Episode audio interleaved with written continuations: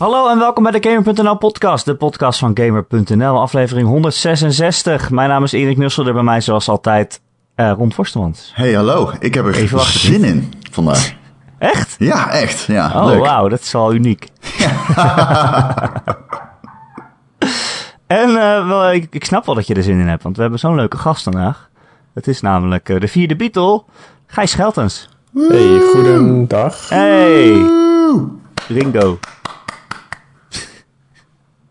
Hoe is het, Gijs? Ja, goed. Uh, een beetje kort geslapen, maar... Uh, oh, wat heb je gedaan? Ja, niet zoveel eigenlijk. goed laat naar bed. Zat je weer tot diep in de nacht te gamen? Zeg eerlijk. Nee, niet eens. Oh, nee. dat is jammer. um, misschien zat je wel tot uh, laat in de avond uh, uh, Pauw te kijken op Nederland 1. Dat is een een programma over het nieuws. Ik weet niet of iedereen dat weet die naar deze podcast luistert. Maar dat ging een keer over games op Nederland 1. Uh, want uh, Rami die zat daar, Rami Ismail. Dat is natuurlijk een gamemaker en die heeft een hele grote prijs gewonnen. Uh, Ron, jij, jij was er wel trots op, hè, geloof ik. Nou ja, kijk, ik heb dus net teruggekeken terwijl we dit opnemen. Net hiervoor heb ik het even teruggekeken. Ik wou net zeggen. En, en inderdaad, het was echt, het is echt, ik had echt plaatsvervangende trots. Voor, ja, voor, want hij heeft, de, de, ja, hij heeft de, de Ambassador Award gewonnen. Ja. Iedereen in de Nederlandse media noemt dat zo'n beetje, zeg maar, de Oscar van de games. Ja, zo noemt, nou helemaal, uh, zo noemt Rami het zelf. Richting, oh, zeg maar, uh, uh, gewoon de NOS RTL. Zo verkondigt hij het. En die werd uitgereikt in San Francisco. Ik heb ook een stukje van zijn speech gezien. Um, en ja, hij krijgt die voor zijn publieke rol in game development. Rami is iemand die... Um, uh, bijvoorbeeld eh, heel veel afreist naar, naar, naar, naar, Midden-Oosten, Noord-Afrika en zo. En mensen daar probeert te motiveren, maar ook de middelen toereikt um, bij, bij, bij, om hulp te bieden bij het maken van games. Uh, met name in ontwikkelingslanden. En um, ik vond, ik, ik wist wel dat hij dat deed. Maar in Pauw dan gaat, ja, legt hij dat uit. En dat doet hij heel erg goed. En ik vind Rami is iemand waar, wij, waar ik als iemand die zelf in de Nederlandse gamesindustrie werkt, heel erg trots op ben dat hij zo'n gedegen uithangbord is daarvan. Ik vind dat echt prachtig. Hij is echt. Um, bij Pauw ook, hij doet dat zo goed. Hij doet dat zo met zoveel geduld en verven. Um, legt hij uit wat, het, wat hij doet. En um, wat, wat ik soms, uh, wat je soms wel ziet als mensen aanschuiven in zo'n programma, is dat ze heel erg games eh, als medium verdedigen. verdedigen.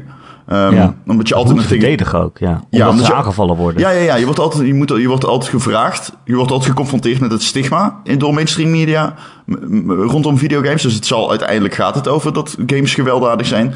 Um, maar nee, in Pauw, en dat doet Jeroen Pauw zelf natuurlijk, is een legende in dat opzicht. Uh, hij, wat hij heel goed doet, is dat hij Rami gewoon simpele vragen stelt waar hij heel erg diep op in kan gaan. Omdat je weet, hij heeft er zelf geen verstand van. En zo kan hij heel erg ingaan op um, de, de, hoe... Um, hoe, hoe het is om in het Arabisch uh, games te developen. En kan die heel erg ingaan in hoe uh, ontwikkelingslanden in het Midden-Oosten worden afgeschermd in westerse games, Amerikaanse games. er wordt er een fragmentje uit Battlefield 3 getoond, waarin je met een raketwerper op een sniper moet schieten in een hotel. um, Rami begint al met vertellen van, nou, het is wel een beetje raar dat je een raketwerper gebruikt om één iemand uit te schakelen en een heel hotel neerhaalt. Maar oké, okay, dat is blijkbaar wat men doet in oorlog. Maar hij legt ook uit, ja, wat hier in het Arabisch op het hotel staat, klopt niet. Het staat eh, verkeerd omgeschreven, het woord hotel. Serieus? En dat is natuurlijk wel raar. Pardon, en dat is natuurlijk wel raar voor een game waaraan honderden mensen werken en niemand van hen spreekt Arabisch. Dat, dat, dat, dat klopt natuurlijk. Dat is natuurlijk super raar. En uh, Rami die weet dat heel kundig en ook heel, heel erg uh, toegankelijk naar uh, te brengen. Um, en uh, ja, bovenal, hij laat dan ook zien... Uh, kijk, je hebt natuurlijk uh, Lila and the Shadows of War. Dat is die iOS-game die destijds door Apple afgekeurd werd. Omdat die... Hij werd, die game wordt door één persoon gemaakt. En het is een soort van... Dat gaat over de Gazastrook. En het conflict tussen Israël en de Palestijnen. Um, en destijds was een, een klein beetje ophef over. Omdat Apple stelde dat het meer om politieke thema's gaat dan een videogame is. Wat natuurlijk dingen zijn die perfect verweven zouden moeten kunnen zijn. Maar goed, niet volgens Apple, blijkbaar. Eh, en Rami die zegt ook van, nou, dit is wel ook, ook wat games kunnen zijn. En hij toont ook Hellblade. eh, wat natuurlijk, en hij legt dan echt zo goed uit ehm, hoe het medium videogames daarin verschilt van bijvoorbeeld een boek of film. Omdat je natuurlijk in een videogame kan een ontwikkelaar mensen trots doen voelen. Hè? Trots op hun acties. De, acties van de speler staan centraal. En daarmee kun je om emoties losmaken die je in een film niet kan. Dat is veel passiever. En als gamer heb je natuurlijk invloed op de gebeurtenissen, dus daar kun je mee spelen. Eh, en, en, en, en, en, en Hellblade is dan natuurlijk een goed voorbeeld, omdat die game, die, die makers hebben heel erg gepraat met, de, met mensen die zelf een psychose hebben gehad. En eh, Rami, Rami zegt dan ook van, mensen die een psychose hebben gehad en zijn blij met dit spel, omdat ze iemand, de, iemand dat spel kunnen geven en dan kunnen zeggen van, kijk, dit is hoe het is. En dat kun je niet met een film of in een boek. En dat vond Nee. ik zo prachtig verwoord. En dat is ook precies wat het is. Eh, dat maakt de games uniek. En eh, ja, om, dat, en om dan iemand te hebben die dat zo goed kan uitleggen.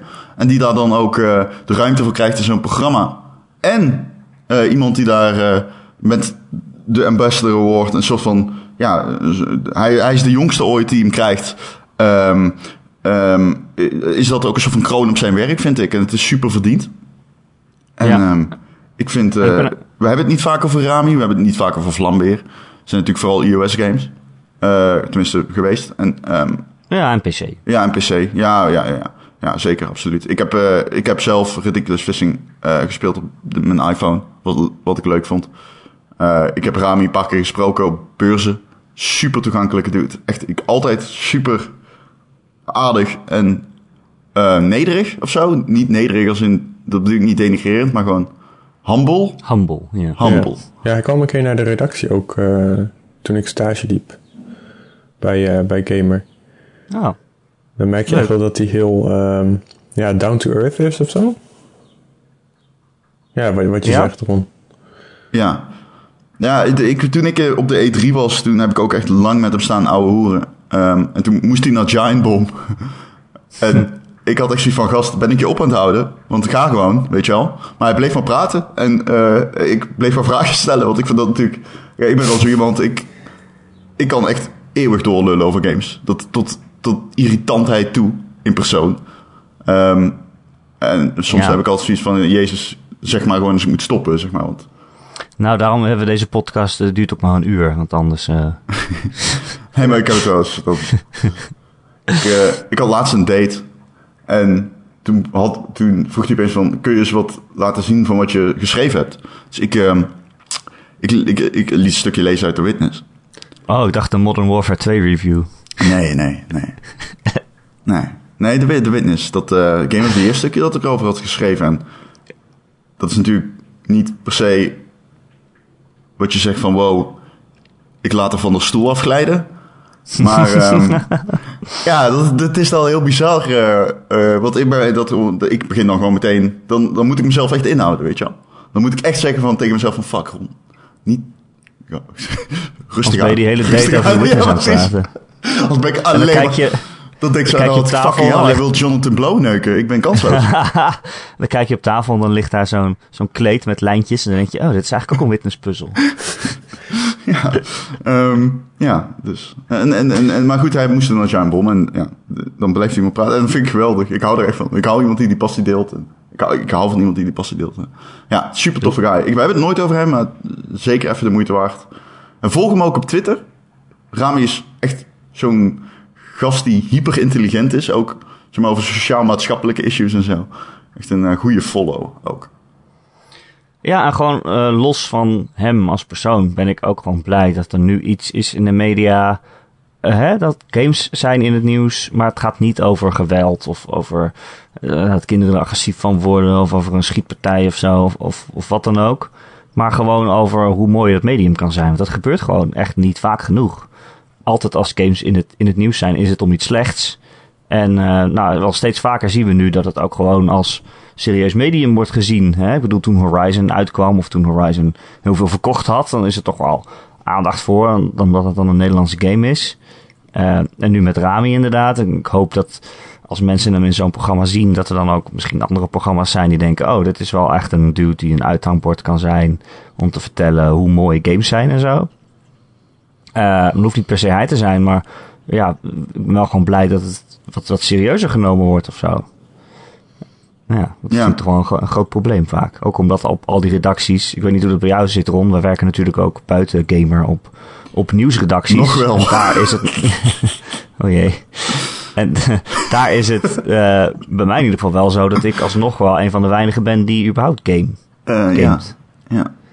Eh, Ehm, nou, nou, ik werk kijk bij Omroep Brabant. eh, we- we- dan wer- werken we wel met jonge redacteuren, dus daar werken wel aan ja, mensen nou ja, ik ook wel. Daarom verbaast het me wel. Tenminste, mensen van mijn leeftijd. Ik weet niet of dat nog als jong telt. Maar Eh, Ik denk ook, dat, het, dat het deels is dat je... ehm, hè, eh, ik, heb een, eh, ik heb een scriptie geschreven over gamejournalistiek en ook wat mensen kom ik van hier voor andere... of niet? Dus, ja, klopt. Daar heb ik ook wat eh, mensen van andere disciplines over geïnterviewd. En ehm, wat me daarvan bijstaat is dat, dat ze een beetje zeiden van... Ja, eigenlijk... ehm, eigenlijk worden games vaak niet... Daar wordt vaak niet over bericht in mainstream media. Omdat het ook niet echt... eh, Kijk, als je een Destiny hebt, dan heeft het natuurlijk ook economisch een, grote impact. En dat is dan een interessant verhaal om te schrijven. Maar verder ehm, is het ook deels dat games niet echt. ehm, ik denk dat het nog niet echt volledig. Dat de medium nog niet echt volledig gebruikt wordt. En dat het nog een beetje in een ontwikkelingsstadium zit. Waardoor we ja, ehm, er ook minder over horen, denk ik. Omdat het nu nog niet heel veel eh teweeg brengt. Ja, maar ja, wie bepaalt dat of wie zegt dat? Kijk, als er, als er een Nederlandse film uitkomt, dan zit de regisseur aan, aan tafel bij in programma's. Of als, er, als iemand, een redelijk succesvolle auteur, een nieuw boek heeft geschreven, dan zit hij ook ergens aan tafel. Maar ja, die boeken worden ook maar, eh, ja, als het 50.000 is, is het veel, zeg maar. In Nederland. Ja. Dus ja, hoezo heeft een game niet meer impact? Het heeft een impact op een andere groep mensen. En dat zijn misschien mensen die niet per se allemaal eh, naar, naar jouw programma kijken, waardoor jij denkt dat het niet zo belangrijk is. Ja, Even dat denk, ik denk dat het ook deel dat, deels 10.000 dat is. ja. een bestseller, dus 15.000 is een... 50.000 is al heel erg veel, hè? Ja. Ik, ik dacht nog, ik ga het ruim schatten om het een beetje... eh, maar inderdaad, een boek is... eh, ja, daar heb je al gauw een bestseller. Als je al je, als je, al je vrienden vraagt. 10.000 is een bestseller. Het is sowieso dit een best combinatie van factoren, eh, hè, wat jij zegt. En ik denk ook dat eh, de doelgroep die kijkt inderdaad niet naar die programma's. De doelgroep is misschien eh, ook nog wat jonger. Hè? Ehm, je ziet nu wel dat, eh, dat die doelgroep wat ouder wordt. En eh, nou ja, je hebt nu natuurlijk Ready Player One in de bioscoop. eh, ja, waardoor het wel een beetje... Ja. Het komt meer in het, in het bewustzijn, denk ik. Eh, En Tomb Raider. ja. Ja, ik heb eh, beide... Ik ga Ready Player One dinsdag zien. Ook een date, trouwens. En Een date? Ja, Ga je met nou- een date naar Ready Player One? ja, we moeten iets doen. Is het dezelfde ehm, date? Nee. En eh, Het is afgehaakt naar het Jonathan Blow neukverhaal. hem dan, hè. Het Jonathan Blow neukverhaal. Erik Dusselburg allemaal. Toch de samenvatting titel van de podcast. Welkom bij de podcast. Heb je verteld dat eh, Jonathan leuk dat Blow jullie een fles waren. eh, naast zijn best had waar hij in plaste? Ja, ik kan eigenlijk nou gewoon... Ik kan eigenlijk mijn sociale leven niet opdoeken naar het woord Jonathan Blow neukverhaal. Maar goed, even door. Ehm, en ik ben naar Tomb Raider geweest. En dit is dus grappig. Ik ben in mijn eentje naar de bios geweest. Ah, Helemaal mijn eentje. Had ik nog nooit gedaan. En ehm ik, het beviel me heel erg. er was bijna helemaal niemand in de bios. Eh, oh nee, ik had het één keer eerder gedaan. Dat was een maand geleden. Dat was de eerste keer tijdens Black Panther. Die ik trouwens helemaal niet zo goed vond als iedereen claimt. Overigens, Black Panther. oh jee, ik moet hem nog zien. Ehm, maar eh, ik vond Tomb Raider echt een hele vermakelijke avonturenfilm. Helemaal niks mis mee, joh. Ik snap niet waarom zoveel mensen... ehm, de, de, ik weet niet wat voor verwachtingen mensen hebben bij een nieuwe Tomb Raider. Maar ik vond deze misschien wel leuker dan die eerste met Angelina Jolie. Ja, dat zal ongetwijfeld. Maar ik heb hem ook nog niet gezien. Maar wat ik in een review las, wat ik wel heel eh, verontrustend vond, was dat het verhaal van de game beter was. Eh, het verhaal is Dat ze het verhaal hebben aangepast op een paar dingen waardoor eh, La- Lara als personage minder interessant wordt ineens. Dat Nou, vind ik toch best ik- knap. Dat is ik- nog nooit gebeurd. Nee, dat is nog nooit gebeurd. Maar ik moet ook wel eerlijk zeggen, ik weet het verhaal van de game eigenlijk ook niet meer. En ik weet Oh. het verhaal van de film wel, maar dat komt omdat het echt een week geleden is. Maar ik vond het filmverhaal best oké. Ik, ik, ik, ik, het is oké. En het is zeg maar heel ba- bazaal. En het gaat eigenlijk, het escaleert te snel, het verhaal. Het, het escaleert zo snel, dat je wel zoiets hebt van, eh, dit is niet helemaal hoe het zou moeten gaan. In, als je zeg maar in een normale context van iemand die op avontuur gaat. Ehm, maar het is wel een vermakelijke film. Ik heb me er goed mee vermaakt, dus eh, prima. Oké, prima. Ehm, er zitten wat, maar weet weet je waar ik dus van schrok in die film? Eh, nu we het er toch over hebben. Eh, er zitten best wel wat hele duidelijke referenties naar die nieuwe reeks games in. En dat had ik niet verwacht. Ik dacht dat het meer Ja. de traditionele Tomb Raider zou zijn. Maar het is heel erg duidelijk die andere Tomb Raider. Eh, Nee, maar ze hebben er toch ook het verhaal van de eerste Tomb Raider gewoon verfilmd. Ah, als dat zo Zeg maar is... van de reboot, van de reboot Tomb Raider. Ja, die Dat is reboot- gewoon het hele verhaal. N- Nou, ik moet heel Het eerlijk was zeggen... daarop Als, gebaseerd, toch? Ja, het is exact dat verhaal. Ze gaat naar dat eiland, eh eh eh, Yakatai of zo. En daar zit een godin die eh, een storm maakt. Dat is toch het verhaal van de film ook? Ja, ja, ehm, niet Ja, dat echt. is, die, dat is die game. Is ja, ja, klopt. Dat, dat wist ik niet. Dat wist ik dus niet. Dit is allemaal nieuw voor Zo mij. erg wil je het vergeten, wat die game. Nou ja, ik zei het al. Ik, ik, weet, ik, wist, ik weet niks meer van het verhaal van die game. Ik weet nog een paar scènes. Ehm, ik heb ze beide Tomb Raiders gespeeld ook. Ehm, dus die shit loopt sowieso in mijn hoofd compleet door elkaar heen. Alleen, ik vond het een eh, vermakelijk verhaal. Nogmaals, met wat duidelijke referenties naar die gamereeks dus ook. Op een gegeven moment pakt ze ook echt die bel. Weet je wel? Waarmee ze blijft hangen. Ja. En dat is de eerste keer in de hele film dat ik dacht... Oh, dat is een mechanic. Ik ken deze mechanic. deze mechanic ken ik. Ehm, Ze hebben zelfs, eh, ik zag een soort van trailer, of het was niet echt een trailer, maar een scène. eh, die gewoon eh, één op één uit, uit die game komt. Namelijk Oké. Die scène dat ze in, het, in het, dat vliegtuig zo hangt, ergens. En zij wordt tegen het raam gesmeten en dan breekt het bijna. En dan probeert ze nog net iets te pakken, maar dan dondert ze zeg maar helemaal naar beneden het water in. Dat komt gewoon één op één uit die game. vliegtuig. Er Het hele geen verhaal komt zelfs één op één in die game. Hè? Er zit geen vliegtuig in die film natuurlijk.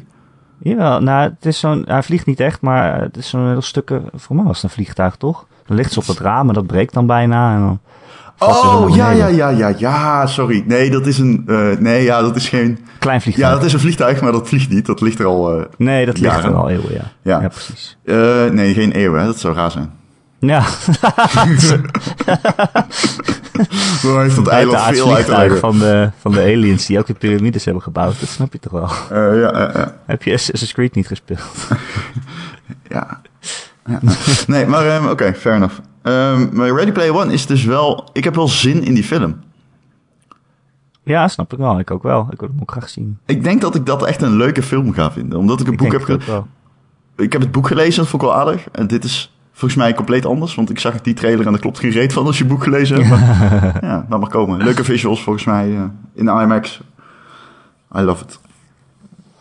Hey, eh, eh, om nog even weer terug te gaan. We Ja, hadden het net, eh, zeg, we hadden het net over Rami natuurlijk, dat we daar trots op zijn. Maar hebben jullie nou eh, andere mensen in de game-industrie?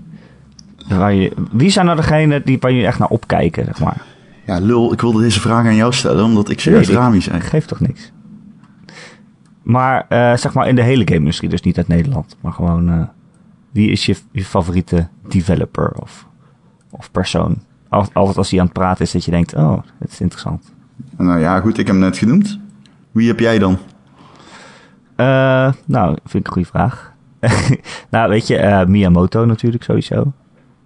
Van Nintendo. Dat is toch wel een beetje de grootvader van de, van de videogames op dit moment. Hè? Mhm. Mario en Zelda, nou je weet het allemaal wel. En hij is nog steeds bezig en nog steeds aan het vernieuwen ook. Dat vind ik natuurlijk nog wel, dat vind ik wel heel knap. Ja, ja eh, zeker. Yoko Taro, de- als daar een interview mee is, dan lees ik die eigenlijk altijd. Ja, van de week ook. las ik, weer, las ik weer een interview op, eh, op Kotaku volgens Ja, mij. heb ik ook gelezen. Ja, ja, ja. En vertelde hij dat hij misschien wel een beetje stuk was van binnen. Omdat Hm. het, hij vindt zich eigenlijk zijn eigen werk nooit goed. Ja. Maar hij is natuurlijk degene die, eh, die Nier heeft gemaakt. En al die games die daarbij horen. Ja, Yoko Taro heb ik hetzelfde mee. Overigens, wat, wel, wat ik wel grappig vond, hij heet eigenlijk Taro Yoko. Alleen, hij Ja. heeft het omgedraaid. Dat stond dus in dat interview. Dat is eigenlijk zijn achternaam, ja. Ja. Is het niet zo met Japanse naam altijd?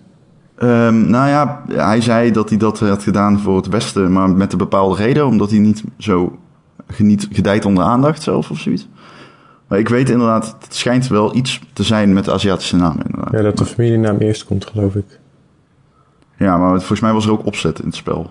Ja, nee, ik bedoel, hij kan het natuurlijk nog steeds omgedraaid hebben. Ja, hij heeft het, om, hij heeft het om, omgedraaid. is het ja. twee keer omgedraaid. Ja, dubbel omgedraaid. En eh, ja, ik, ik weet niet, ik vind eh, Ueda heel eh, interessant. Oké. Fumito Ueda van, ja, van Team Ico natuurlijk. Ja, zeker. Dat, is ook, dat zijn ze wel, hè? Dat zijn ze wel. To- Toro en Ueda zijn echt de Japanse, op die, die ik op dit moment zou zeggen van ja, dat Ja, ik blind ik vind- geloven. Kojima ik vind ook. Ja. Kojima, ja, daar heb, ik, daar heb ik dan persoonlijk weer wat minder mee, maar goed. Eh, Hebben wij Ja. beide, hebben wij beide iets minder. Ueda is wel, vind ik ook wel lastig, omdat hij dan acht jaar doet over een spel. En het is dan, het is dan een spel eh, wat niet helemaal is wat je dacht, maar wel weer heel bijzonder. Ik bedoel, als je The Last Guardian neemt, ik vond dat wel echt een fantastische game. Maar het heeft ook wel zo zijn dingen dat je denkt, goh, ik wou dat het, dat het, dat het wat beter werkte of zo. ja. Ja. Maar het is zo mooi en bijzonder en zet je ook wel aan het nadenken. Dat vind ik toch altijd wel mooi. ja. Maar ik weet niet verder, ik heb niet echt, ik, ja, ik word nooit zo aangetrokken tot mensen of zo, maar meer een, een studio Ja. dat je, die je dan in de gaten houdt. Het is natuurlijk ook altijd een heel team dat een game maakt. En je hebt wel in games wel dit soort auteurs, zeg maar, eh, die in hun eentje het verhaal verzinnen. eh, en dat, dat dat dan gemaakt wordt, maar dat gebeurt ook weer niet zo vaak. Ik bedoel, Nee, dat is heel zelden. Het geval. Ja. Niet zoals bij films, zeg maar. Nee, precies. Nou, bij films heb je natuurlijk ook nog het verschil tussen een regisseur of een scriptschrijver. Of Ja. Ja. Schrijvers bestaan wel. Je hebt wel solo-schrijvers. Ook in AAA Ja. heb je wel solo-schrijvers. Maar, maar in games heb je toch ook wel directors en eh, creative writer of zo? Zeker, absoluut. Nee, zeker. Tegenwoordig als je kijkt bijvoorbeeld wat er bij Naughty Dog allemaal komt kijken bij de productie van een script. Dus eh, Ja. Maar dat is ook wel een, een meer filmische game dan. Maar goed, ja, Ja. Dat, dat, ja, dat is wel zo.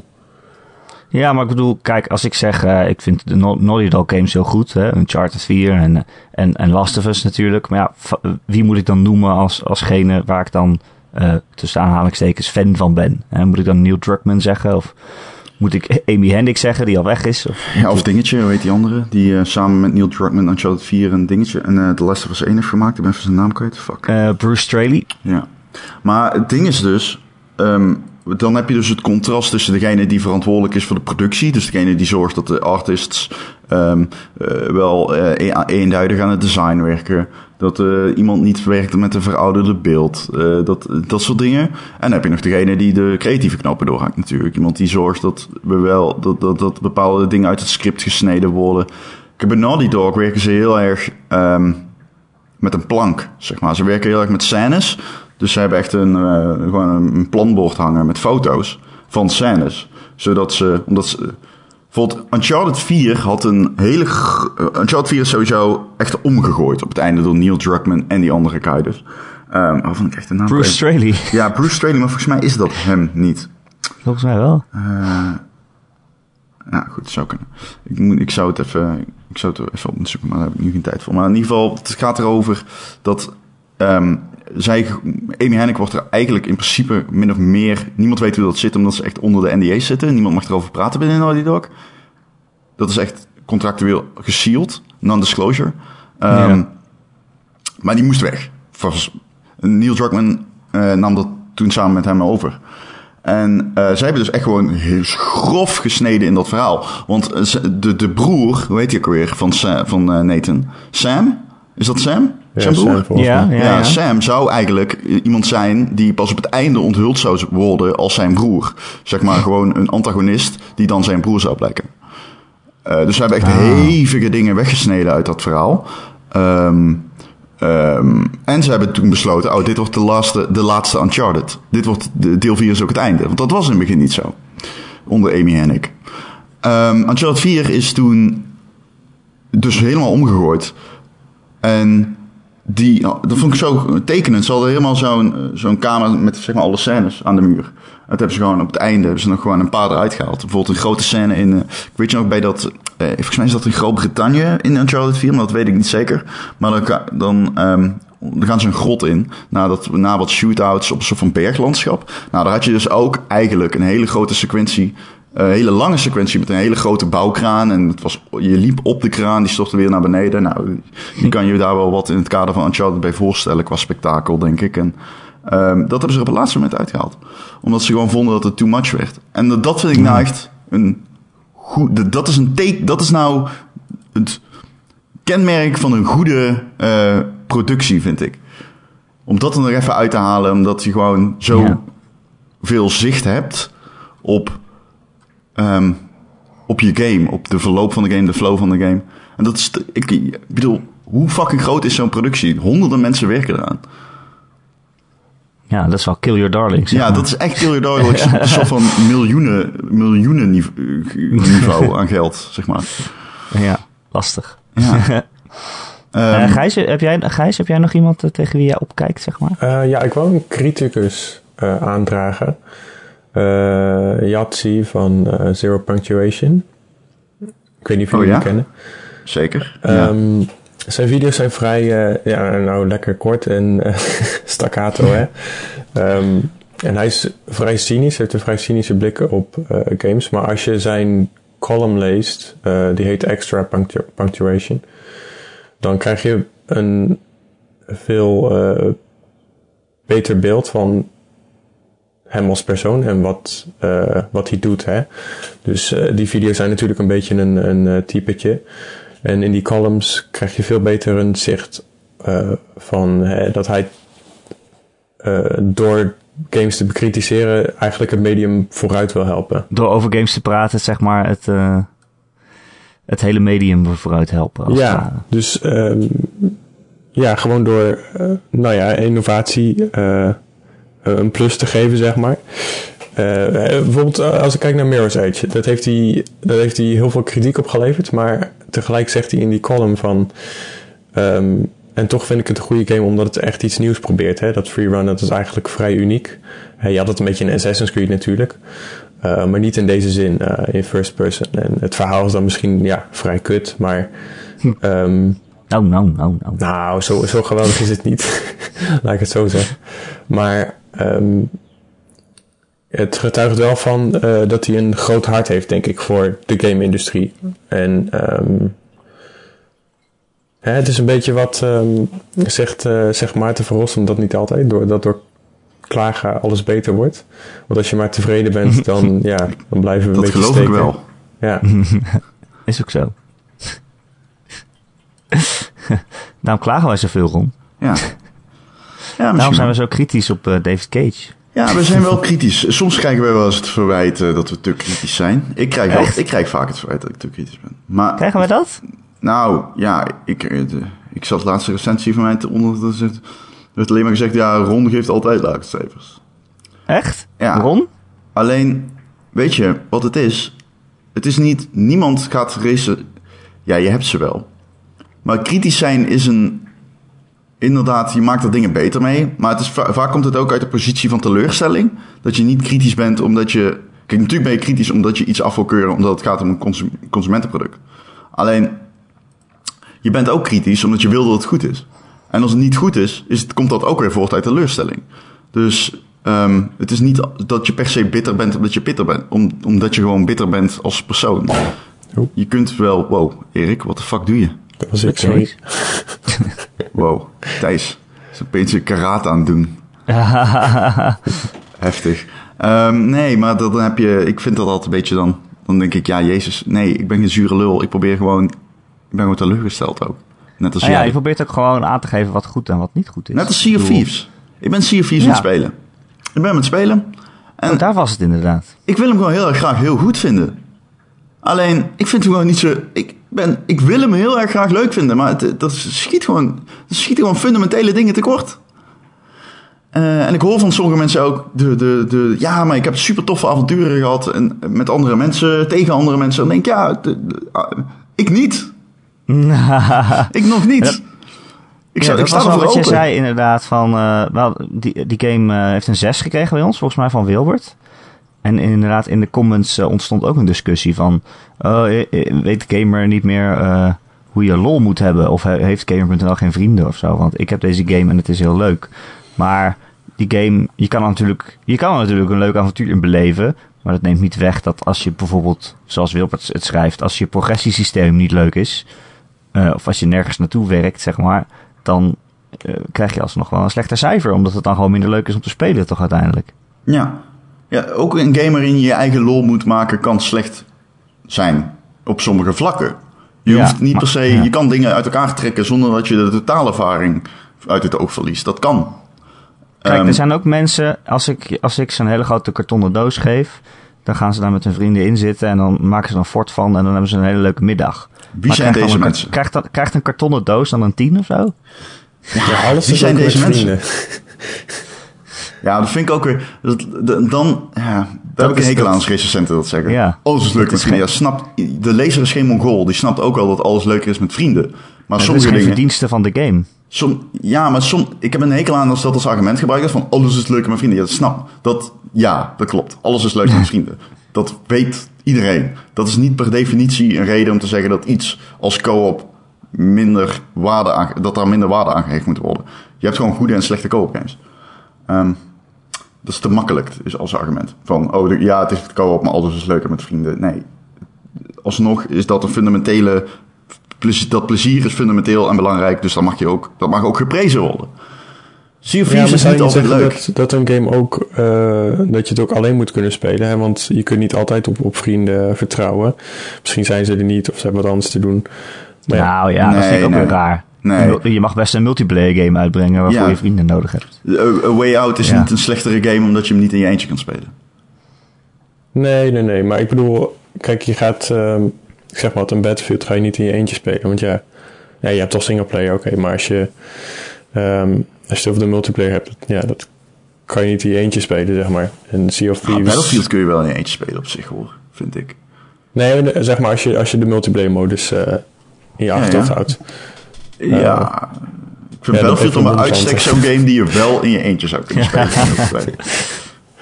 Kijk, je kan ook Overwatch in je maar eentje over, ja, precies. Nou, dat is het betere, denk ik. En mensen Overwatch vinden dat leuk, maar ik niet.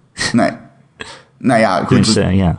Je met Natuurlijk. random Ja, het mensen. punt is dat meer niet dat, dat, dat een Overwatch hè, en een Battlefield ook, die hebben ook nog een, een modus die specifiek voor singleplayer is gemaakt.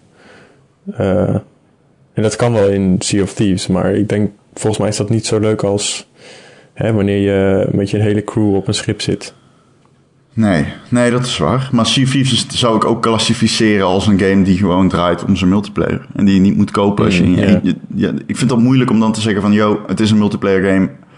Maar je kan hem ook in je eentje, je kan hem in je eentje kopen. Moeten we het dan daarop afrekenen? Ja. Dat, dat, dat vind ik niet, denk ik. Ja. Maar je mag het aanhalen. Ja. Je moet het wel aanhalen, maar ik zou het niet op afrekenen, zo moet ik het zeggen. Nee. Maar ja, het is toch, ik merkte dat deze week ook wel een beetje op de site inderdaad. Bij Sea of Thieves schreef een 6 en Far Cry 5 kreeg een 7,5. En ik ook, toen ik eh, Assassin's Creed Rogue, de remaster, een 6,5 had gegeven. Het zijn overal wel mensen, misschien was het dezelfde mensen, dat weet ik natuurlijk niet. Maar die zeggen van ja, eh, dat, dat we een beetje zuur zijn of zo. Dat we niet meer weten hoe we plezier moeten hebben in games. Eh, maar ja, dat is natuurlijk helemaal niet zo. We houden van games, maar het zou toch ook raar zijn als we alles maar een 9 of een 10 zouden geven. Ik bedoel, hoe weet je dan nog... eh, Ja, moeten we dan overal bijschrijven, het is leuk, want, want het is een game. En games zijn altijd leuk, dus, dus een 9.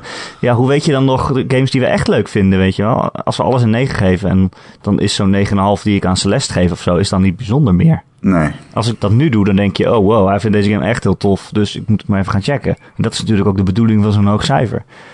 Maar als je alles 9 en 10 geeft, dan eh, verliest het totaal zijn effect natuurlijk. Ja, nee, Of- precies. Of we doen gewoon geen scores meer en mensen moeten maar de review lezen.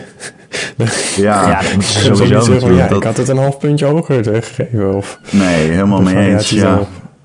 ja, maar het is ook zo. Bijvoorbeeld ik- Sniper Ghost Warrior 3 heb ik eh gerecenseerd. Ik heb die een 4 gegeven. En dan lees ik van mensen eronder en zeg ja, ik vind het een 8. En dan denk ik, ja, dan... Dat kan. Ja, Dat kan, I guess.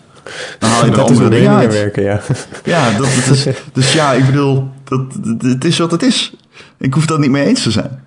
Eh, maar dat betekent niet dat ik minder, dat ik games minder waardeer. Dat betekent gewoon dat ik deze game minder waardeer. Ja, ik ben over, overigens niet voor het afschaffen van cijfers. Maar ik vind wel, mensen moeten wel... Hè, het is, een cijfer voelt zo wiskundig. Zo van, deze game is zoveel waard. Ja, alsof het een maar exacte het, is, het, cijfer, is. ja, het cijfer is al, al- alsnog gewoon een mening. Het is het gevoel wat je hebt na het spelen van de hele game. En Ja. Het voelt als een, als een 7,5, zeg maar. Ja. Vaak. Eh, nee. Ja, maar ik heb persoonlijk dan het idee. ehm, eh, kijk, eh, als je bijvoorbeeld. Als je, het over, ik zeg maar, als je het over smartphones hebt of zo, dan snap ik dat je er een cijfer aan geeft. Maar. En ik weet dat games ook een commercieel product zijn, maar tegelijk denk ik. Ehm, dat we. Dat het het medium ook verder helpt als we het meer als een eh verhalenmedium beschouwen. En ik denk dat dat Nou ja, te complex is om. films, films om- krijgen ook een cijfer. En, en boeken krijgen ook een aantal sterren in, eh, in de Volkskrant. En, Ja, eh, dat is ook zo. Alles krijgt cijfers. Ja, moet wel kunnen. Ja, maar ik Ja, bedoel, ik denk, dat het, ik denk dat het, eh, dat de games als medium te complex zijn om, eh, om eh, te filteren tot één cijfer, zeg maar. Omdat mensen daar, ik denk dat mensen er ook te veel waarde aan hangen. En toch zijn er ook weer facetten van videogames die dan het juist weer makkelijker maken dan bijvoorbeeld films. Juist het technische aspect en zo. Dat kun je, heel, dat kun je wel best feitelijk benaderen. Dingen als kunstmatige intelligentie, pop-up, draw distance, eh framerate. Alleen als je kijkt naar filmrecensies, doe maar eens. Pak maar eens een film. Pak maar eens Metacritic. Kijk, pak maar eens Metacritic en kijk eens naar de re- recensies van Ready Player One. Die zijn super uiteenlopend. Omdat, omdat er... Een film is veel minder concreet op sommige vlakken. En draait toch meer om acteerprestaties en thematiek. En dus zulke dingen zijn dan heel erg van de individu- veel meer individuafhankelijk. Ehm van de Eye of the Beholder bedoel ik dan. En dan zie je gewoon dat die cijfers echt super erg uiteen kunnen lopen. Het gaat echt van 1 ster naar 4 sterren. Ja, Ja, bedoel, als je het over je- technische kwaliteit hebt, hè, dan Ja. denk ik dat dat... ehm, kijk, ik snap dat dat belangrijk is voor een game als product. Hè, van werkt het goed? Is het een goed functionerend product? Maar tegelijk denk ik ook van... eh, het zou, voor, voor mij vind ik het veel interessanter om te kijken hè, naar de writing en nou ja, al dat soort dingen. eh, zeg maar van een verhalen medium dan naar die technische aspecten. Ik snap dat dat ook voor veel mensen eh, eh, belangrijk is. Hè, van, hè, is, dit een, is dit een goed werkend product? Eh, want ja, je, je betaalt er dan 60 euro voor, hè? Eh, om en nabij.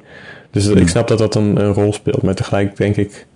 ehm, ja, zegt het nou echt iets over de game of meer over de technische staat, zeg maar? Nou ja, het hangt, het hangt ook een beetje van de game af, denk ik, Gijs. Want als je een nieuwe AAA-game hebt... Kijk, als je een nieuwe Assassin's Creed hebt... dan is de hoeveelheid bugs wel degelijk een, een, eh, een essentieel onderdeel. En van hoe werkt de combat en, eh, en gaat dat een beetje goed. Maar als je een game hebt eh, wat van één iemand komt... wat een persoonlijk verhaal vertelt... dan is het weer een stuk lastiger om daar een cijfer aan te hangen... omdat het eigenlijk gewoon over een persoonlijk verhaal gaat... Ja. Eh, dan kan je alsnog wel, je kan alsnog wel beoordelen, vind ik, net zoals in een boek, van hoe is het geschreven en wordt het op een goede manier gebracht, zodat het overkomt. En is het überhaupt een goed verhaal? Ik bedoel, dat, daar kan je allemaal een mening over hebben, dus daar kan je ook wel een cijfer aan hangen. Ja. Maar ja, dat is, wel iets, dat is wel iets lastiger en dan speelt het technisch ook wat minder mee. Ja, maar ik bedoel, zeg maar, als je het hebt over de AI, dan vind ik dat wel iets anders dan hè, wat, wat Ron zei, zoals draw distance en eh framerate. Nou ja, weet je, als jij een AAA-game speelt en je ziet de hele tijd allemaal bomen uit het niets eh, omhoog poppen, omdat de draw distance niet goed is, dan tast dat jouw plezier van de game aan, omdat je je daaraan stoort. Dus, ja, dus, dus is de game daardoor slechter. Ehm, ja, nou, ik weet niet hoe we hier zijn gekomen, maar we zijn er. Ik ook niet meer. Laten we weer Zullen teruggaan naar de heen realiteit. Ik weet nog wel iets waar we het over kunnen hebben. Als Wil het waar de is. virtuele realiteit? Ja, de virtuele realiteit. Nee, nee, nee. Ik heb iets anders nog, denk ik. Iets wat Oh, niet op jouw lijstje staat. Maar dat vond ik wel, hmm, laten we zeggen, eh, markant. Er, zijn, er gaan geruchten ehm, dat eh, Modern Warfare 2 gerereleased wordt. als Oh, ja. remake, zoals, of nee, als, ik moet zeggen, remaster. ehm, ja, Ja, geen remake, denk ik. Nee, nee, nee, geen remake. Ehm, eh, net zoals Call of Duty 4, dat, eh, dat meegeleverd werd met Infinite, Infinite... Wat was het ook? Hoe heet die fucking game ook weer? Call of Duty Infinite War, noem ik het even. Fair. Fair, ja. Fair Ehm, enough. Fair enough. En dat vond ik wel eh, opvallend, omdat datzelfde gerucht, en ik weet even de kom af niet, maar datzelfde gerucht claimde Oh, ik weet het wel. Het was... eh, ehm, Amazon toch? Nee, ja, dat klopt. Het was, nee, het was de Italiaanse Amazon. Daarop stond hij. En eh, daarop stond hij, eh, zeg maar, ehm, eh, te koop. Dus, samen met die game. Met, met Black Ops 4. Ehm, en het zou zonder de multiplayer zijn. Dus alleen met de singleplayer. Dat is... ja, ja, ja. Alleen dat, eh, ja, het precies. ja. gerucht gaat dan dat dat alleen de singleplayer is. En dat is wel raar, want de singleplayer is dus goed. Ik vind dat een hele leuke singleplayer. Het is die singleplayer met No Russian. Oh Ehm, ja. Ik vond dat een super toffe singleplayer. Zou ze die eruit knippen, denk je? Nee, dat denk ik niet. En ik, ik denk gewoon niet dat dat, dat dat dat zou ik heel zwak vinden als ze dat doen. Ik denk het Ja. niet. Ja, maar tegelijk, niet, tegelijk was zeg maar toen Modern Warfare 2 gereleased werd, was al een hele andere tijd, denk ik hoor, dan nu. Ja, In dat opzicht. Toch denk ik het niet. Ik denk niet dat je... nee, Ik vind het zo... Ja. Nee, Ik ja, weet ook niet hoe, ze dat, eh, dat is wel een hoe goede. dat ja. gaat lopen dan. Ja, ja. Ja, is wel een goeie. Voor, voor wie het niet weet, No Russian. Ehm, je start in een lift op een vliegveld. En eh, jij infiltreert bij een terroristen, terrorist, terroristenbenden, om het zo maar even te zeggen. Volgens mij zijn het separatisten. En ehm, in het begin zegt de leider, remember no Russian. En dat zegt hij omdat je, je bent Russen op een Russisch vliegveld die zeg maar eh, iets proberen te veroorzaken. Ehm, en de gedachte erachter is, als wij weten dat we, als zij ons Ru- Russisch horen praten, dan weten ze dat het eh, intern is. En dat mogen ze niet weten. Daarom no Russian. Ehm, en dan schiet je iedereen op het vliegveld dood. Als, ehm, ja, als, als speler hoef je dat niet te doen. Je, je wordt een beetje zo vrijgelaten van, van, je hoeft niet zelf te schieten. Maar als je zelf niet schiet, dan doen de mensen om je heen het wel. En dat is vrij heftig, want iedereen die aan het inchecken is, wordt doodgeschoten. Agenten worden doodgeschoten. Eh, mensen die nog proberen te vluchten, de winkels in, die worden doodgeschoten. Ehm, en op het einde word je ook zelf doodgeschoten. Eh, door eh, de, de separatistenleider. Ehm, ja, die, die, die, dat is een, een, een terroristische aanslag in het westen op een vliegveld. Dat ligt natuurlijk wel gevoelig, ja. Ik denk wel dat ze hem erin zouden laten. Ja, dat denk ik ook wel. Ehm, enfin, Enfin? de singleplayer dus, maar eh, geen multiplayer. Ja, dat is toch raar? Iedereen speelt toch Call of Duty voor de multiplayer? Dacht ik altijd. Ja, ik heb het, dus ik, ik, ehm, ik, ik, ik weet het niet echt. Ik, ergens geloof ik wel dat het waar kan zijn, dit gerucht. Ja, ik geloof het ook wel. En de reden, kijk, ik weet het niet zeker. Misschien komen ze later alsnog met die multiplayer. Misschien zit hij er wel in, dat weet ik niet. De reden daarachter is, misschien zou kunnen zijn. Kijk, toen ik Infinite Warfare kocht, heb ik die multiplayer nooit gespeeld thuis. Een paar keer. Ehm, en ik heb verder alleen maar Call of Duty 4 gespeeld. Daarvoor heb ik die game gekocht. ik heb hem zelf gekocht. Nice. En al mijn vrienden hebben hetzelfde gedaan. Omdat dat was wat die fanbase op dat moment heel erg wilde. Die terugkeer naar de roots. En Call of Duty 4 is een fucking goede game met supergoede maps en een geweldige multiplayer. Eh, Call of Duty Modern Warfare 2 eveneens. En Black Ops 4, ehm, het wordt ook een beetje afhankelijk van wat voor game het is. Maar stel Call of Duty Black Ops 4 eh, neigt meer naar die Call of Duty 4 kant. Hè?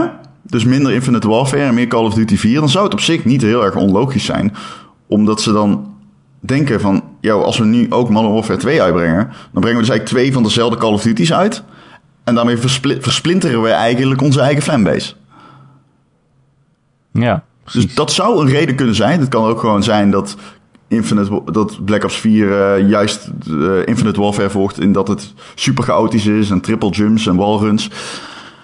En dat ze niet willen dat er weer iedereen dan zegt van nee, nee, nee, we kopen deze game, maar we laten hem links liggen voor eh Modern Warfare 2. Kan ook. Ehm, maar ik denk wel dat het, als het waar is, dat daarin de gedachte schuil gaat. eh. Ja, we weten überhaupt nog niet of die game inderdaad echt komt. Of dat het eh, alleen een, per ongeluk een pagina van Amazon was. Maar goed. Ja. Amazon maakt ook niet per ongeluk een hele pagina aan natuurlijk. Nee. Ehm, ja, ik vind het wel een interessant experiment. Ik heb altijd al gezegd dat ik van, eh, best wel Call of Duty singleplayers wil spelen. En dat ik het best wel interessant zou vinden als ze die game in twee delen zouden verkopen. Zo van, je kan alleen de singleplayer kopen voor 20 of alleen de multiplayer voor 40 of zo. En het hele pakket voor 50 euro als je wil. dat, dat ik dan alleen de singleplayer kan kopen. Ja, Dus eh, dat is best leuk om af en toe doorheen te schieten in een paar uurtjes. zeker, absoluut. Absoluut. Maar ik heb geen zin om eh, onschuldige mensen dood te schieten op een vliegveld eigenlijk. Je voelt je controle echt zwaarder worden tijdens die Ja. scène. Het is wel goed gedaan. Dat is wel knap natuurlijk. Ja, Ja, net als bij Spec Ops. ja, ja, Spec Ops trouwens eh, gratis eh, ja. ja. Spec bij de Humble, Humble, St- Humble Store. Ja. Goed te doen. Ja. Goed, goed spelletje. Ja. Waar je het nog over, over de PlayStation VR hebben, Ron? Die is, Eh, eh, ja. die is namelijk eh, 100 euro goedkoper geworden. Nog Ja. maar 300 euro is het dan, geloof ik, hè? Dan 300 krijg je euro ook, plus eh, camera plus camera. game. Ja, die, die eh, PlayStation Worlds game. Een paar kleine games in één, zeg maar. Nou, Ja. best aardig om als eerste kennismaking met, eh, met VR. Werkt Ja. best goed dan. Mhm. Eh 300 euro wordt steeds goedkoper. Ik vind dat best wel een goede prijs. Ja. Volgens mij gaat het ook best wel aardig met PlayStation VR. Niet dat je zegt van, oh, ze vliegen allemaal van, eh, van de toonbank af. Maar ik geloof dat er 2 miljoen verkocht waren laatst. Hè? Misschien zijn het er nu 2,5 of zo. Ja, Ik vind dat best veel voor virtual reality. Ik bedoel, het is meer dan Oculus en, en de Vive bij elkaar volgens mij. ja, Eh, dus op zich doen ze het best goed. Het is ook weer niet dat je denkt, hè, als er meer dan 40 miljoen PlayStation 4's in de wereld zijn. Het is ook niet een attach rate van waar je, waar je van achterover slaat. nee. Nee, Eh, nee. nee. Maar er, komen al best wel aardige games uit. En ook echt volledige games. Eh, Mos hebben we natuurlijk gehad dit jaar. Dat was wel echt een leuk spelletje. Ja. Eh, heb je, je had hem toch op, op Marktplaats gezet? Ja, ik heb hem verkocht. Ik heb hem eh, Ah. verkocht. Het is de eerste keer ooit dat ik iets verkocht heb in de Marktplaats. Echt? Ja. Ooit iets? Ja, ik, ben al, ik zag eh, in mijn profiel staan dat ik tien en een half jaar actief ben op Marktplaats. Eh, maar nog nooit eh, iets verkocht. Eh, wel ooit iets gekocht. Eén Ehm, keer. En het is een... eh, ja, het, het was op de dag dat hij verlaagd werd in prijs. dus eh, dat was wel eh, Oh, een gunstige vlak bijkomstigheid. daarvoor? Heb je hem voor meer dan 300 verkocht? Nee. ik wel daar in de buurt, Voor, ik, heb, ah, ik heb hem wel verder ondergekocht met de PlayStation Move controllers erbij. Ah ja. Ehm, ja, ik, kijk, ik gebruikte hem niet meer. Ik vond het aansluiten te veel gedoe. Ik vind dat er heel weinig games op uitkomen. Eh, en dat maakt het, eh, een, eh, een, een- een- het... Is een leuke gadget om te hebben. Als game recensent gebruikte ik hem niet. Als gamer gebruikte Nee. ik hem niet. Dus dan mocht hij voor mij wel weg. Ah, En hij neemt veel, hij heeft veel plaats in beslag ook. Ehm, ja, wel zonde. Maar VR, ik geloof wel in VR. Maar de PlayStation VR, dat gaat hem gewoon niet echt worden, denk ik. Sony is, eh gelooft er nog wel in. Dat vind ik tof. En, komen nog wel wat leuke games ja, uit. ja, ja, ja, en dat vind ik wel tof. Ehm, ze, ze, ze, ze weten dat dat een, een, een, een- Ze geloven zeg maar echt heel duidelijk in die technologie en dat vind ik echt cool. Maar ik zelf hoef niet per se meer dan VR dan ik nu heb gehad in die vorm. Ook omdat ik het al op de Vive heb gehad en dat is toch echt heel veel beter dan bijvoorbeeld de... Of, en, en de Oculus, daar geldt dat overigens ook voor Oculus en de Vive. En dat is beide toch wel heel erg veel beter. Inclusief die tox... Die, die, die, die, tox, die, die, die ehm, eh, motion eh, controllers. Ja. Ja, dan heb je toch wel echt een veel betere ervaring dan op de PlayStation 4. Nou ja, nou, ik heb natuurlijk een Oculus eh, thuis eh, sinds een paar maanden. En het is inderdaad, het verschil is wel heel erg groot. Vooral wat jij zegt, die motion controllers. En ook, ik heb ook zo'n sensor achter me. Dat scheelt ook gewoon heel erg Ja. veel. Dat je gewoon Ja. rondjes kan draaien. En ja, het is niet meer van op de bank zitten. En het is een soort van grotere tv waarbij je helemaal om je heen kan kijken. Maar Nee. met Oculus is het wel echt alsof je daar echt bent. Ja. Vaak. Als de game een beetje goed is. Ja. Dus ik gebruik mijn PSVR ook niet zoveel, maar wel voor exclusieve games dan. Dus ik ben wel blij dat ik er Mos op kon spelen. En nou, iets als Blood and Truth of zo, wat nog komt, Ja. wil ik ook nog wel graag uitproberen. Dus ik hou hem wel gewoon. Ja. Eh, Ja. En ik wil af en toe Trico aaien in VR natuurlijk. Ja, Dus eh, nee, ja ik, ja, ik ben er nog wel blij mee op zich. En dan, dan lees je dus, althans las ik, dat is een hele oude vacature van 343 Industries. En eh, die hinten dan naar een, in ieder geval een soort van VR-game binnen het Halo-universum. Ze zouden op zoek zijn naar een creative director eh, voor een virtual reality Halo-game. Ja, maar waarop dan? Ja, en dan, eh, precies, dan, dan, dan, dan denk je, hoe, hoe, waarom ga je nu nog, waarom, als je een creative director zoekt, dan moet die game nog gemaakt worden. Waarom, hoe, hoe dan? Hoe kun je zo laat inhaken? Nou ja, ik bedoel... Je moet hoe ook kun je- wachten op je moet hoeveel, anders- hoeveel, hoeveel VR-brillen er verkocht worden en Ik- wat je markt een beetje is. Ik bedoel het anders. Je, Halo is een console game. Dus betekent dit, ik bedoel dus, betekent dit dat we op de PlayStation, op de Xbox One X een, een VR-headset kunnen gaan verwachten? Of ondersteuning voor Oculus of whatever. Maar wa- wat staat hier te gebeuren? Want wordt dit een PC? Wordt dit een PC-launch? Wordt dit een console-launch? Ik bedoel, als dit een console-launch wordt, heeft... De HoloLens. Ja, dat is AR. AR, ja. Maar, dat zou, maar als dat zo is, hè, dan heeft Microsoft echt wat uit te leggen. Want dat, is toch veel... Dat, beter dan nooit is dat... Moet ik zo denken of moet ik denken... Waarom ga je... VR is onontgonnen gebied, I guess. En je moet vooral als consolefabrikant kijken naar wat de mogelijkheden zijn. Ik ben helemaal voor een, eh, een Microsoft die in VR duikt. Begrijp me niet verkeerd. Ik vind alleen... Ik weet niet, het is een oude vacature. Hij is bijna een half jaar oud. Hij is nu echt... Hij is nu eigenlijk pas echt ontdekt. Ik vind, ik vind gewoon... Ik weet niet. Ik, ik, ik vind het zo raar aan de ene kant. Omdat Maar- ik Microsoft nooit erover gehoord heb. En dan komen ze nu opeens met... Ja, ik weet niet. Ik, je merkt het aan mij. Ik, kom, ik kan het niet helemaal goed uitleggen, maar... Ik weet het niet. Maar, maar Ik vind het gewoon 1, Halo 1 en 2 ook? Waren het ook op PC of alleen 1? Ja, ja, ja. ja. Nee, eh, Halo Dus 1 in is gepoord naar de dat PC. misschien kunnen betekenen... Ja, Nou ja, Zou de nieuwe Halo kun, kan, je waarschijnlijk ook op de PC PC spelen. hè? Play Anywhere. ja want, want eh, Ja, ja, ja, kan. Ehm, zeker, zeker kan, kan, kan, absoluut. Ehm, ik vind het alleen een beetje weird of zo. Dat Microsoft hier eh, nu nog op inspringt zonder ooit iets te la- hebben laten horen erover of zo. Ik heb bij Microsoft Ja. altijd een beetje van waarom, eh, waarom zo reactief? Waarom niet proactief? Nooit het vertrouwen uitspreken in virtual reality, weet je wel. Microsoft moet altijd de boot afhouden. Eh, ik weet het niet. Ik vind het ergens heel erg typisch voor Microsoft om dan nu opeens met een Halo-ervaring te komen. Ja, er staat ook VR Experience. Hè, dus ik denk niet dat Halo 6 helemaal in VR te spelen is of zo. Nee, dat denk ik Maar misschien is het een, een dingetje van een half uur of ergens Ja. in rondkijken. Of een soort dig- digitaal museum wat, wat je er dan bij krijgt of zo. Dat kan natuurlijk ook allemaal. Ja, Dus eh we weten eigenlijk niks. ja en Microsoft heeft dat eens weet het eerder... ook te, klaar te spelen, toch? Doom VFR. Ja. Ja, maar Bethesda heeft juist heel erg hun vertrouwen in VR uitgesproken. En Hmm, eh, ja. eh, maakt heel veel VR-games. Ik bedoel ook Fallout en eh, dat soort dingen. Dus dat is toch wel een ander verhaal dan een Microsoft. Wat, kijk, er waren, toen de Xbox One kwam, waren er al geruchten van... Oh, ze gaan een samenwerking met Oculus aan... zodat je je Oculus ook in je Xbox One kan pluggen of. Ja, ja, dat hebben ze ook zelf kenbaar gemaakt. En dat je een, virtuele huiskamer had en zo. Ja. Ja, en je krijgt natuurlijk een Xbox One controller bij, bij Oculus. Kreeg je dat een tijdje volgens mij. Eh, dus ze hebben echt wel een soort van relatie. Maar... eh, Nooit een volledig het vertrouwen uitgesproken Nee, in. VR, Microsoft. en nooit nu e- komt eigen dus- VR-games. Nu komt het er dus een VR-ervaring. Laten we het even gewoon die experience noemen dan. Ehm, en laat. Het is gewoon laat. Het is weer eh, reactief. En ik, ik zal niet zeggen dat het typ, typerend is, want dat is misschien te denigrerend richting Microsoft. Maar ik vind het wel een beetje zo van...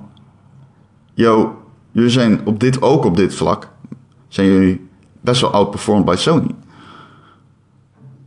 Ja, ja. Maar Ja, dat is op weet zich je... niet erg. Ik vind het Ja. niet heel erg, maar... Ja, maar VR gaat toch zoveel groeien dat je ook. Kijk, dat is... Er zijn, zijn nu iets van 3 miljoen mensen die VR hebben. VR hebben. En als dat ooit eh, 20 eh, miljoen moet worden... dan ben je nog lang niet te laat natuurlijk. Nee, absoluut niet. Het Alleen is- je krijgt minder credits, ook van ons. Omdat, kijk, Ja. een PlayStation en Sony doet echt zijn best om dat, dat medium vooruit te brengen en onder de aandacht te brengen.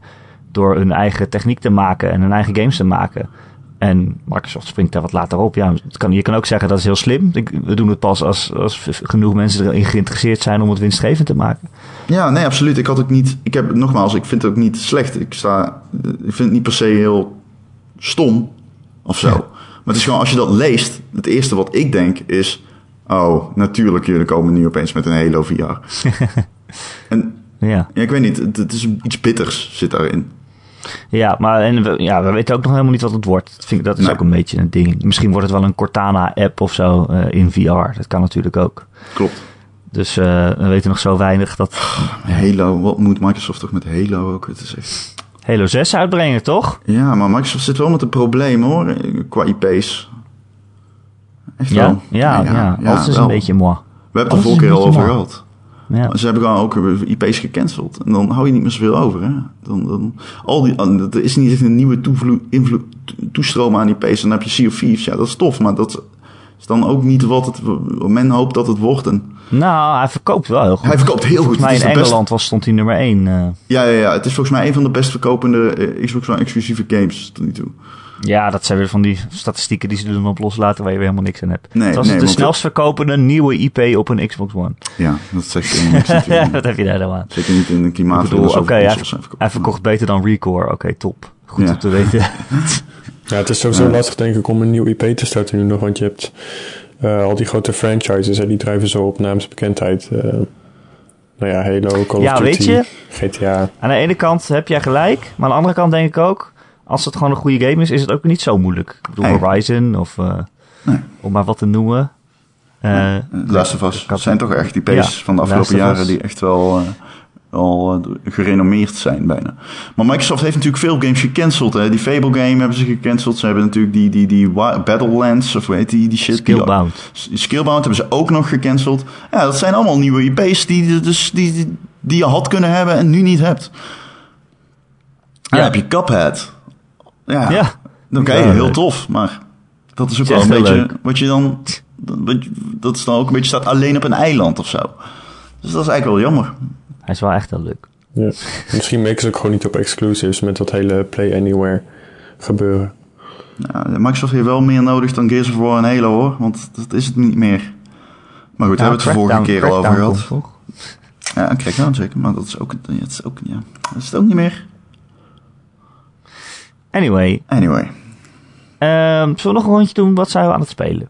Ja, Gijs, Ja, wat zijn we aan het spelen? Ehm, ik ben, eh, ik weet niet, ik, ik kom altijd weer terug bij Minecraft. Soms duurt het een jaar, soms langer, maar... eh, zijn- Minecraft? ja, dan zijn er weer nieuwe dingen en dan eh, ga je toch weer spelen. Maar een andere game die ik aan het spelen ben is Sniper Elite 4. Eh dat speel ik met mijn Ja, broer in geeft. Ron die ook een 4 of niet? Ja, ik moet zeggen, ik weet niet of het, of het mijn roze bril is, maar ik heb het idee dat ehm, er zat sowieso meer content in, geloof ik, in Sniper Elite 3. En ik, eh, ik, heb het ook, ik, ik heb ook het idee dat de maps en de AI, dat het ook wel net, net even wat beter was in die oude versie. Maar goed, dat kan aan mij liggen. Maar ehm, eh, het is op zich het is, eh, ik weet niet of jullie het wel eens gespeeld hebben. Het is een beetje een, nou ja, je, je, je snipet veel, maar eh, het heeft ook een vrij goed eh, stealth systeem. En er zit één game mode in, in de co-op game, game mode. Die heet Overwatch, toevallig. Wow. En daarin heb je dus één, eh één speler is de sniper en die andere speler die is een beetje de spotter. Die heeft ehm, eh, een verrekijker, maar dat heeft die sniper weer niet. Dus ik kan vijandjes taggen en eh, de sniper die zit dan zeg maar hoog op en die kan niet zeg maar het level echt in. Die kan alleen een beetje verplaatsen op, eh, op hoge plekjes. En eh, ik, loop, ik sluip dan helemaal door dat level heen en vijandjes taggen en eh eh stealth dat soort dingen. Dus dat heeft een, eh, een hele interessante dynamiek. Omdat je allebei een andere rol hebt, zeg maar. Een soort asymmetrische co-op in die zin. Nou, oké. Leuk. En vind je het leuk? Ja, alleen ehm, we gingen dus, eh, we gingen dus nou, gewoon die, die game mode spelen en we hadden twee maps gedaan en toen, dat, dat was het al. Dat, wa- het waren maar twee maps. Oh, ja, er waren Ja. maar twee maps in dat Overwatch eh, Oh. deel. Terwijl, eh, volgens mij in Sniper die drie waren er veel meer. Maar ik heb ook het idee dat er eh, veel meer achter DLC eh, wordt weggestopt. Oh. oh. Eh, niet alleen wapens en, en personages die je kunt spelen. Maar ook veel maps en extra's. Dat vind ik wel jammer. Normaal koop ik dan gewoon een, een Definitive Edition of zo met alles, alles erop en eraan. Dat je in één keer klaar bent met het gezeur. Ja, precies. Ehm, maar goed, daar, eh, dat, dat vind ik een beetje jammer. Ook, ook door de campaign waren we ook vrij snel, eh, ook vrij snel heen.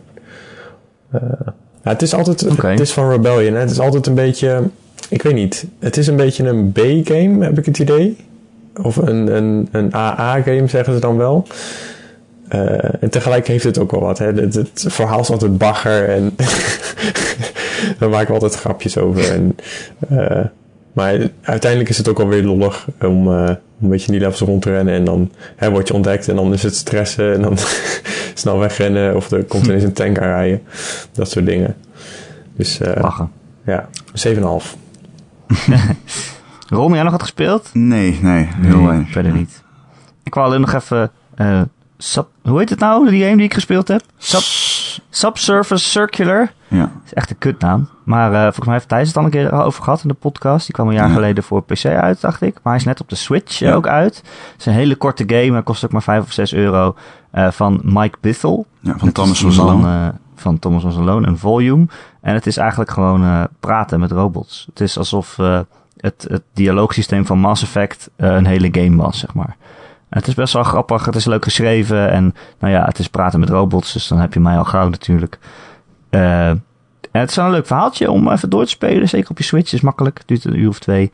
En dan uh, het is echt wel grappig om, uh, ja, je kan een beetje die dialoogopties kiezen en nou, dan moet je natuurlijk weer een hele samenzwering uh, ontrafelen en zo. Het is echt wel, uh, het is wel leuk gedaan. Ik geloof dat hij dat in een paar maanden gemaakt heeft. Hij had een paar maanden tijd tussen twee projecten of zo. En toen dacht hij, oh, ik ga gewoon even een gamepje maken. En uh, nou, dat is dat dus geworden. Ook nu ook op de Switch. Is wel, uh, is wel lachen. Ehm hey, uh, zijn we er volgende week weer, Ron? Ja, we zijn er ook weer dan. Ik wel. Ik ook. Jij wel? Jij ja, ook? Zeker. Ik ook. Gijs uh, misschien niet. Ja, maar wel achter wel. de knoppen. Ja. Gijs is, onze, is de vierde Beatle, omdat hij achter de schermen uh, uh, onze podcast edit altijd. Dus dankjewel Gijs dat je dat weer wil doen. Ja, graag gedaan. En uh, ja, want volgende week zijn we er gewoon weer met een nieuwe Gamer.nl podcast. Elke maandagochtend kan je die downloaden via onze website Gamer.nl. Of luisteren via al onze kanalen, YouTube, uh, Soundcloud, Stitcher. Uh, allerlei andere podcast apps waar je je op kunt abonneren. Daar komen we allemaal vanzelf binnen uh, in jouw oren. Uh, heb je een vraag of een opmerking voor de podcast, dan uh, kun je mij mailen, erik met een k, at gamer.nl. Of je laat een reactie achter onder het artikel waar je deze podcast in vindt op maandagochtend. Dat kan ook gewoon. Dat lezen wij namelijk. Uh, en het is hartstikke gezellig. Uh, Gijs, dankjewel dat je te gast wilde zijn ook. Ook nog, naast het monteren. Ja, nee, ik vind het altijd leuk om, uh, om mee te doen. Dus dankjewel. En jij ook bedankt, Ron. Nee, jij bedankt. Nee, ja, ik jij bedankt. bedankt, Ja, zeker. En de, en en de luisteraar bedankt. En uh, nou, graag tot volgende week. Tot volgende week. Tot volgende week.